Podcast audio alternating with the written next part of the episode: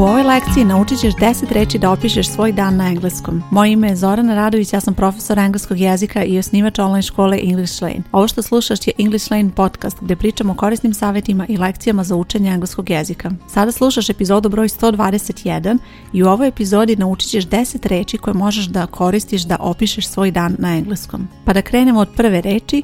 Inače, prvih pet reči će biti reči koje ćeš koristiti da opišeš dobar dan na engleskom, odnosno kada želiš da istakneš nešto pozitivno, a drugih pet reči kada želiš da istakneš nešto negativno u tom danu. Prva reč je calm. Ova reč se koristi kada želiš da opišeš dan koji je miran, kada se odnosi na vreme i poslušaj odmah kako da upotrebiš ovu reč. The day was calm with a gentle breeze blowing and the sun shining peacefully in the sky. Cijela rečenica opisuje kakav je dan, a inače reč kam ovdje prevodiš miran i misli se na miran dan, odnosno dan bez vetra. Druga reč je quiet. Ova reč se prevodi tih, ali kada opisuješ dan, isto se može prevesti miran, odnosno misli se na dan kada nema mnogo buke, nema mnogo aktivnosti. Poslušaj odmah rečenicu. It was a quiet day at the office with no urgent tasks, so I had a moment to take a deep breath and relax. Inače, obrati pažnju na pisanje reči quiet zato što je vrlo specifičan način pisanja, a postoji jedna reč koja se vrlo slično piše, ali ima različito značenje. U pitanju je reč quiet.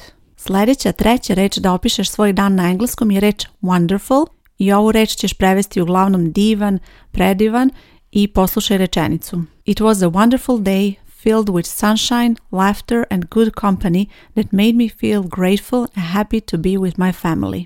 Dakle, u ovoj rečenici ovo je bio divan dan, it was a wonderful day. Ovo su bile tri reči da opišeš dan, odnosno da opišeš dobar dan na engleskom, a sada imamo još dve. Sljedeća reč je exciting. Exciting znači uzbudljivo i poslušaj rečenicu. As we arrived at the campsite, I knew it was going to be an exciting day. Kada opisuješ dan i kada je ispred ovaj pridev, bez obzira da li je exciting ili neki drugi pridev kao što je calm, kao što je wonderful, tada ispred moraš da upotrebiš i član. Dakle, an exciting day ili a wonderful day, dakle, neophodno je upotrebiti član. Naravno, član se bira u odnosu na reč koja sledi odmah posle člana i recimo u ovoj frazi je bilo an exciting day, zato što počinje sa moglasnikom, mora da bude an, a recimo ako je primjer a wonderful day, tada se koristi a zato što reč posle člana počinje glasom v. Sljedeća reč terrific to znači odlično, sjajno i poslušaj primjer. It was a terrific day as I spent it in the company of my loved ones, surrounded by affection and happiness. I ova reč je bila način da opišeš dobar dan na engleskom, odnosno kada opisuješ neka pozitivna osjećanja, a sada prelazimo na reči koje koristiš kada želiš da opišeš dan u negativnom smislu, odnosno kada se nešto loše dešava. I prva reč je veoma slična ovoj prethodnoj, dakle imali smo terrific day, a sada imamo terrible day. Poslušaj primjer, inače terrible znači užasno, a u primjeru to izgleda ovako. The day was terrible with dark clouds looming in the sky and the constant sound of raindrops hitting the roof. Dakle, zapamti terrible, užasno, a sada prelazimo na sljedeću reč, to je stressful. Stressful znači stresno i poslušaj primjer rečenice. Once I finally arrived at work, I realized I had urgent deadlines and endless meetings – It was such a stressful day. Ovdje je bila fraza a stressful day, stresan dan.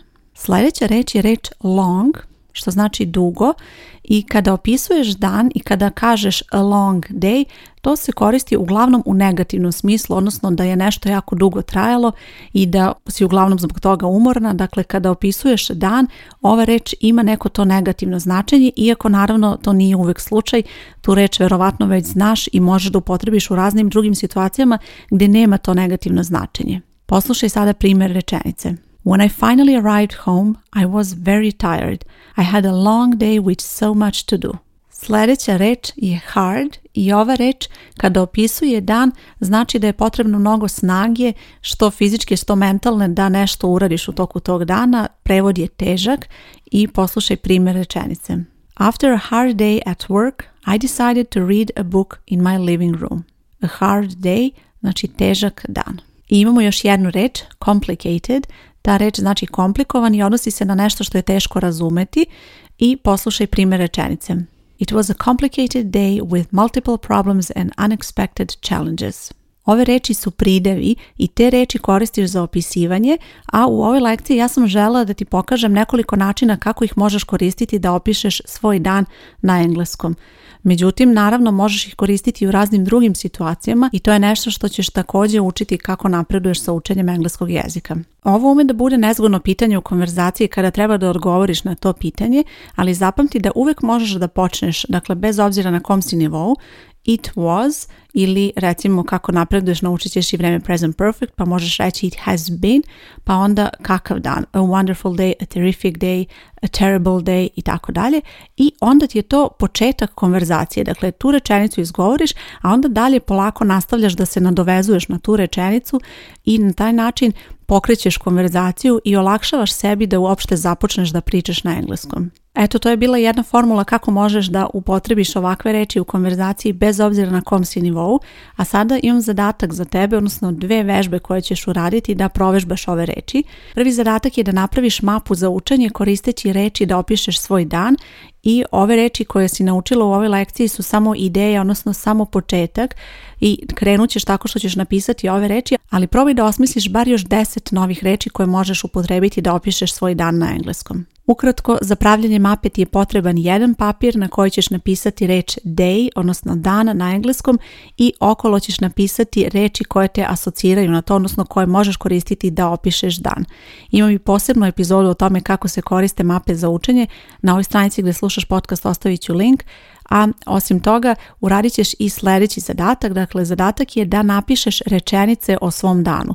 Dakle, zadatak pisanja je u pitanju i potrebno je da napišeš bar 10 rečenica tako što ćeš opisati svoj dan. Ova vežba je odlična ako želiš da vežbaš engleski, pogotovo ako želiš da vežbaš engleski redovno, zato što je to nešto što možeš da radiš svaki dan ili svaki drugi, treći dan.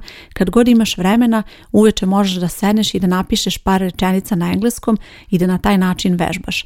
Dakle, tema za danas za tebe je dan, kako je protekao dan, kakav je bio dan, Počni od toga kakav je bio dan, a onda se nadoveži i opiši malo neke situacije koje su ti se dogodile ili nešto zbog čega je taj dan dobar, odnosno loš. Ovakve vežbe ti omogućavaju da stekneš iskustvo kada je u pitanju upotreba engleskog jezika, a to je nešto što te odlično priprema za konverzaciju. Ukoliko si član moje škole, na ovoj stranici gdje ti slušaš podcast bit će nekoliko linkova ka aktivnostima koje možeš uraditi u vezi sa ovom lekcijom, a ukoliko nisi član moje škole, a želiš da nam se priključiš, na ovoj stranici gdje slušaš podcast bit će link ili možeš da potražiš English Lane online škola i tu ćeš pronaći sve informacije kako možeš da se prijaviš. Nadam se da ti je ova epizoda bila korisna i da će ti pomoći da upotrebiš ove reči. Hvala ti što slušaš podcast, ja sam Zorana Radović i čujemo se uskoro. Ćao!